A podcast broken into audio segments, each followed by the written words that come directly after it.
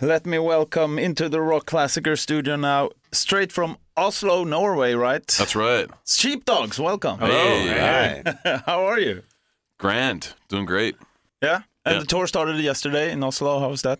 Yeah, really good. We were just right to it. No jet lag, just straight into rock and roll. It's Yeah. great. Yeah. And you've been here before. I mean, you were here Yeah. last summer, uh, but you're from Canada's Saskatoon, right? Yes, That's right. I love that name. Tell us about Saskatoon.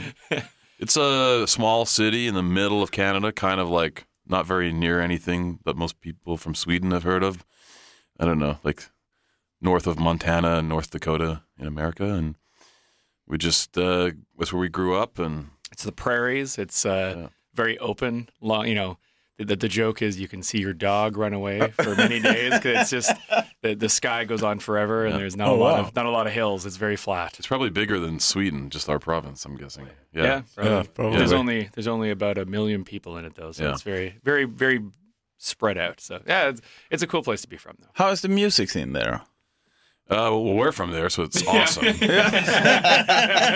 actually lots of good bands that have come out of Saskatchewan, so there's lots of musicians there. One of the one of the things that's really great about Saskatoon as a city is that um, there's a lot of venues that you can play at, and there's a lot of it, it's a very supportive city. So for us coming up from a place like that, we uh, we had a lot of places to play and learn learn how to play and learn how to perform before we went and traveled to places like you know Toronto or Vancouver or you know Stockholm. So we we uh, we learned a lot about playing by uh, by growing up in a place like Yeah, that. that's good. It's the other way around in Stockholm, pretty much, because now everyone uh, is like complaining about the loud noise and stuff like that. So they, the, so they close the the like smaller venues down instead of the Oh. people moving out. You know? Oh, really? Yeah, Oh, it's a problem. It's a huge problem. Dang. Uh, but You know, we, we have a saying in Canada: if it's too loud, you're too old. yeah, yeah, that's a good. That's free to put that pretty on much what I t-shirts. say. Yeah. Also, Quote you and Curry. I made that up. yeah. No, I, I'm not uh, a hundred percent sure this is true, but I heard that um, the name Sheepdogs, you, you- we can thank a Swedish band for that, and Yeah, probably yeah. this song. Yeah. Yeah, yeah, yeah. I love Mondo. Yeah, Yeah, because it's Mando Diao. Yeah, yeah. Sheepdog, this song. I love that band. Yeah, they're a great band. Are they still around? No, right? Yeah, they're still around. Oh. They, they've changed uh, some people, but they're still around. Well, tell them I said hi. I love we those met. guys. Uh, we met the one guy from the. He came to our show in New York City. Yeah, but I think he was like the sixth guy. Yeah. the- he was like the second keyboard player or something. Yeah, it wasn't like uh, the main guys, but I love Mando Diao. Yeah, sweet man. Swedish rock is actually really good. I'm a big fan of a lot of Swedish bands. Soundtrack of Our Lives and But that that is that is Well, true. we we uh, yeah, Dungen. Yeah, we often get asked where the name come from and made up a lot of stories, but that is you know somewhat the the real story of where our name came from. yeah, love that song. All right, yeah, that's awesome. Uh, and uh, one thing uh, that's I think is really cool that that uh, you're you're the first unsigned band ever, and you've heard it's a lot probably on the cover on Rolling Stones because of a competition, right? Yeah, Yep. yeah. We won a competition. Uh, we we collected enough cereal box tops to send in, and we got it on the. No, we wanted this cover. It was like a votes and stuff like that. People voted on it, and uh, we got to be on the cover. It's very very crazy experience. Not because we're good though, just because we just because we won a competition. It was a, it was one of the kind of thing where it was a partnership with Atlantic Records, and uh, somebody from Atlantic had found our band because we were just we were a small band traveling around Canada, which is very big, and you know, so long drives and all that kind of stuff, and it kind of allowed launched us uh, into you know becoming a, a, pop- Superstars. yeah, a popular band. So. Yeah. Um, No, we're no, it was a really big. It was a big moment for us, though, where it was. Yeah, but we were a very unknown band at the time, so it was very weird to be Now we're cover. now we're a slightly more known band. Yeah.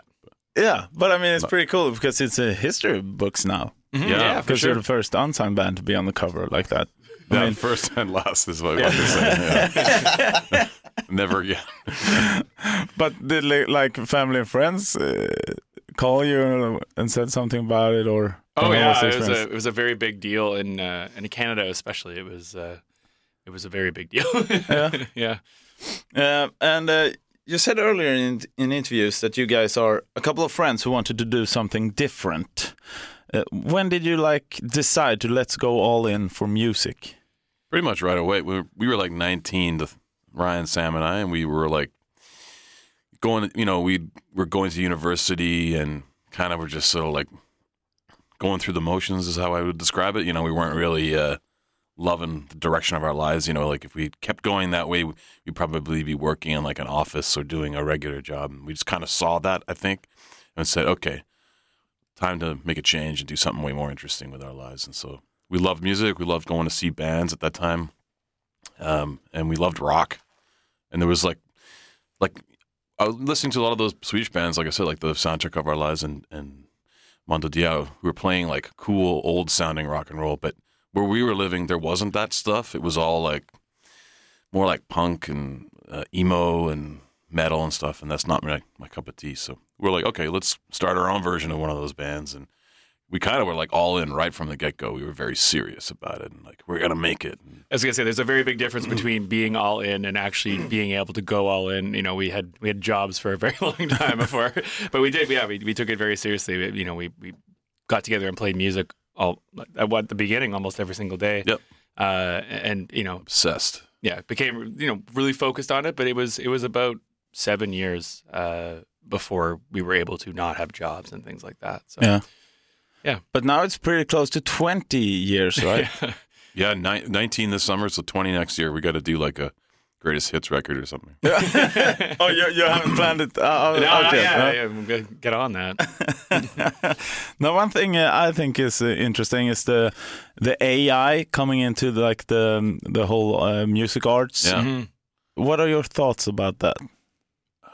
I don't know. Uh, AI. I mean, Ryan ran uh, asked AI to generate some lyrics for us, right? And it was very and got to say, pretty bad. Yeah. So not not worried about AI right now. I mean, I thought it was pretty good. Yeah. There was a lot of like very generic. I think, I think there's like a an interesting thing about AI is it, it probably is it not that dissimilar to you know like when music becomes really popular and then like a, a, a label then tries to make like a version Copycat. of that like whether it's like you know uh you know for like rock music like in you know grunge music and then after that kind of came like uh, like a Nickelback, and it was very formulaic, and it was very much like this is exactly how it needs to be, and it is, is like a lesser version of whatever the original thing is. I think AI is similar to that, where it's like it might follow, uh, you know, it will never have the same soul as what creating something really special is, but I think it could.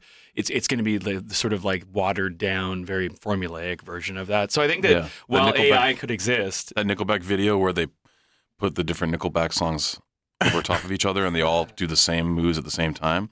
We're already doing that. There's already formulas in music that people are applying. So it's basically AI. But yeah, what Ryan's saying is like music. What makes music great is like feel and personality. And you know, I'm looking at the album covers behind you and like seeing you know Queen and David Bowie. You know, AI can create a Bo- David Bowie copy, but only David Bowie can sing like David Bowie, or Freddie Mercury can mm-hmm. sing like that. I was going to say a computer could put together voices to be all the Yeah. different parts of Bohemian Rhapsody, but it will never sound the same No. as when they all did it together, singing together and, and all that. So I think, yeah, the music will always have, you know, the, the soul or the heart of it needs, I think, to come from a person. That can't be created by a computer. But you never know. I mean, what's interesting is, you know, technology's allowed people to do things uh, with music that they couldn't before. And so it may be something that could become an asset in which you could, you know, use, whether it's, you know, even the Beatles were using technology that was very advanced at the time to create, it's rather than having only four tracks, having like, you know, various things. And I think so maybe it'll become a, something that people can use to enhance music in some way, but I don't think it's going to be like how music is later created, or if it is, it won't be the same. No. Interesting. Uh, uh, also, you've been touring a lot, uh, except uh, of course during the pandemic, like everyone else. Yeah. what did you do during that time? I played a lot of Super Nintendo, uh, drank some whiskey, did lots of cooking. You know, the usual. Huh? We did we did make a record. We, we when we were stuck at home, we did make music. Yeah, just I don't know. Just I didn't make any sourdough bread. Did you guys get into that over here? That was like a big thing in America, in Canada. America. No. people were like making bread. You guys have good bread though. So it felt like everybody was making bread. Yeah, we uh, People here did though get really into uh, gardening. oh, cool. Uh, yeah, yeah, yeah. Gardening's cool. That was the huge thing here. we Yeah. live in the city where you, it's hard to garden. easier to make bread. Less gardens, more ovens. Uh, the we did make a record though. Uh, we all you know We baked an album. Yeah, we baked an album. Yeah, we made two, right? Yeah, me too. Yeah, that's true.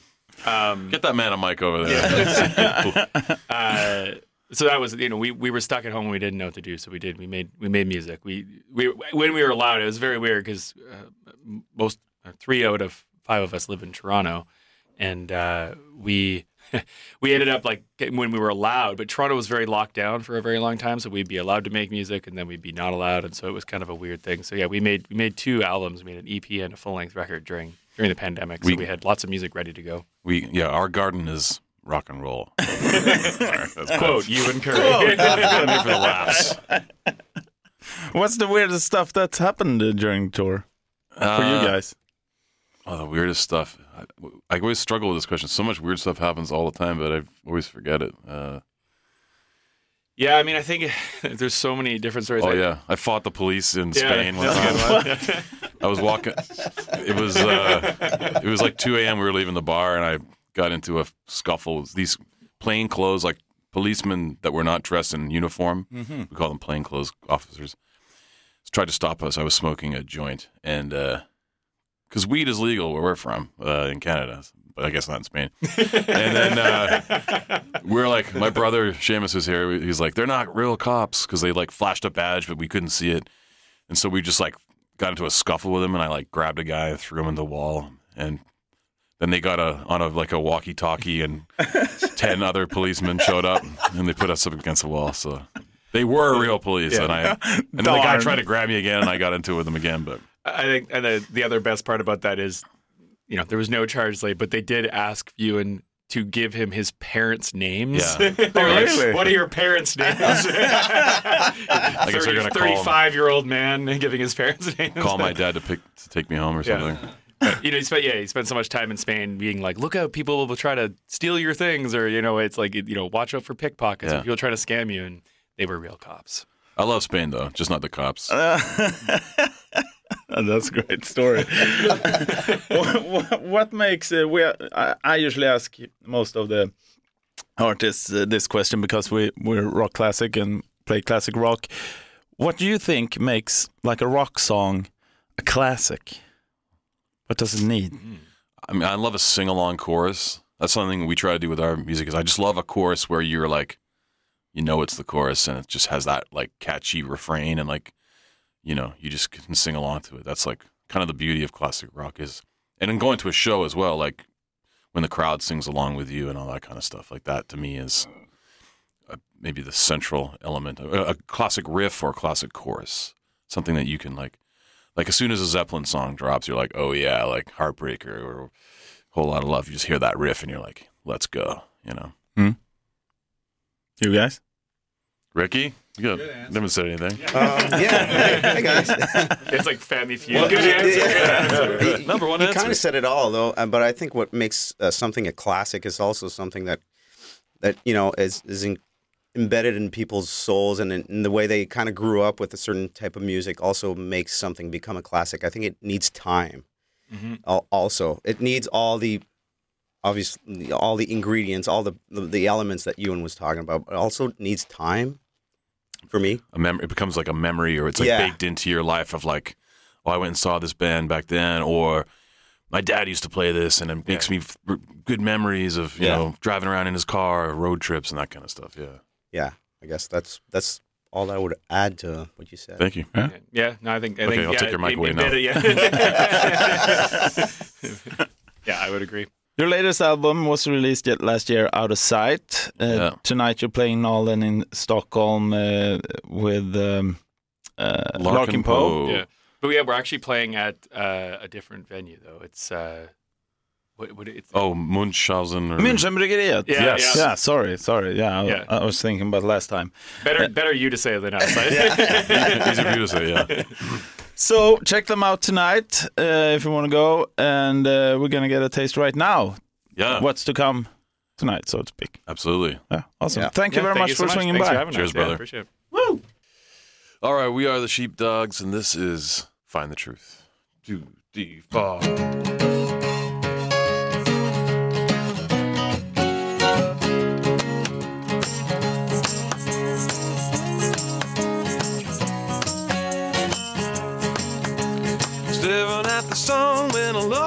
frame of mind back in the time of my youth.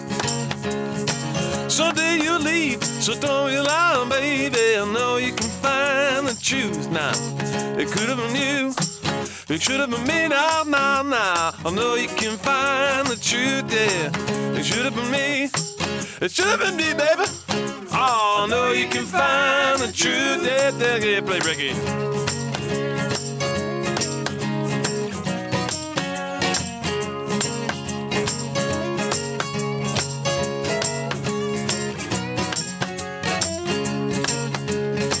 Heard somebody say that the clearest of the signs were wild and loose, yeah.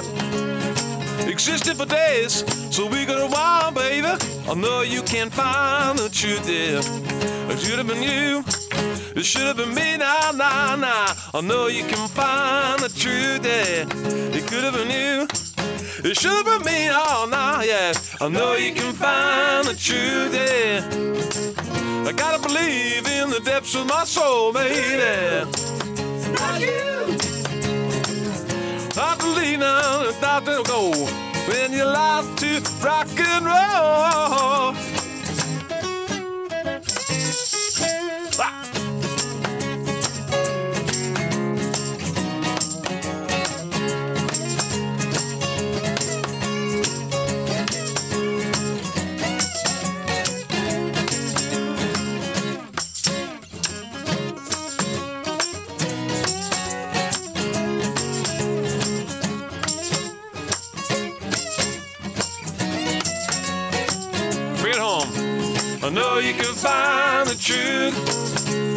Know you can find the truth. Yeah, I know you can find the truth. Last time, baby, I know you can find. Here's an old chestnut from our catalog. This is called I Don't Know.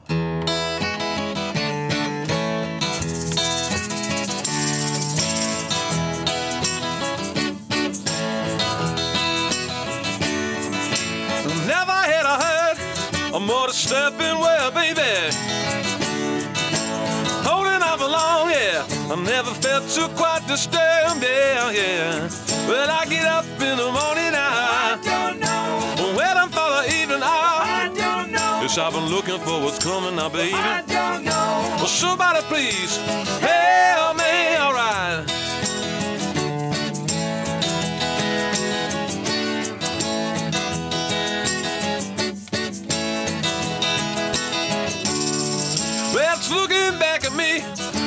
Mystery, yeah. Oh, pages and pages of this ancient history, baby. Well, I get up in the morning now. I don't know. I'm waiting for the evening hour. Yes, I've been looking for what's coming, baby, yeah. Somebody please help me right.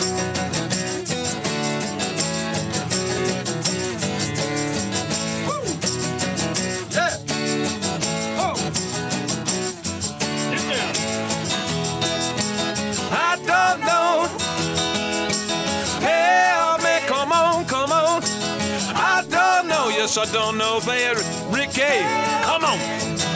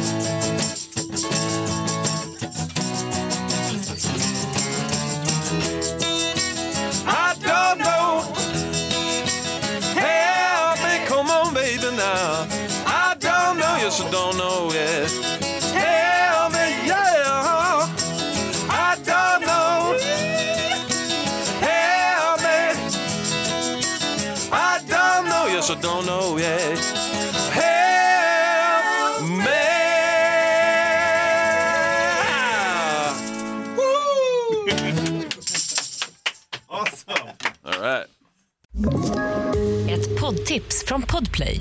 I fallen jag aldrig glömmer djupdyker Hasse Aro i arbetet bakom några av Sveriges mest uppseendeväckande brottsutredningar.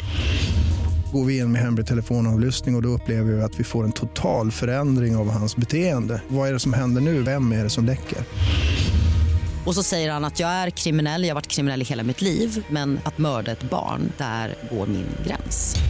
Nya säsongen av Fallen jag aldrig glömmer på Podplay.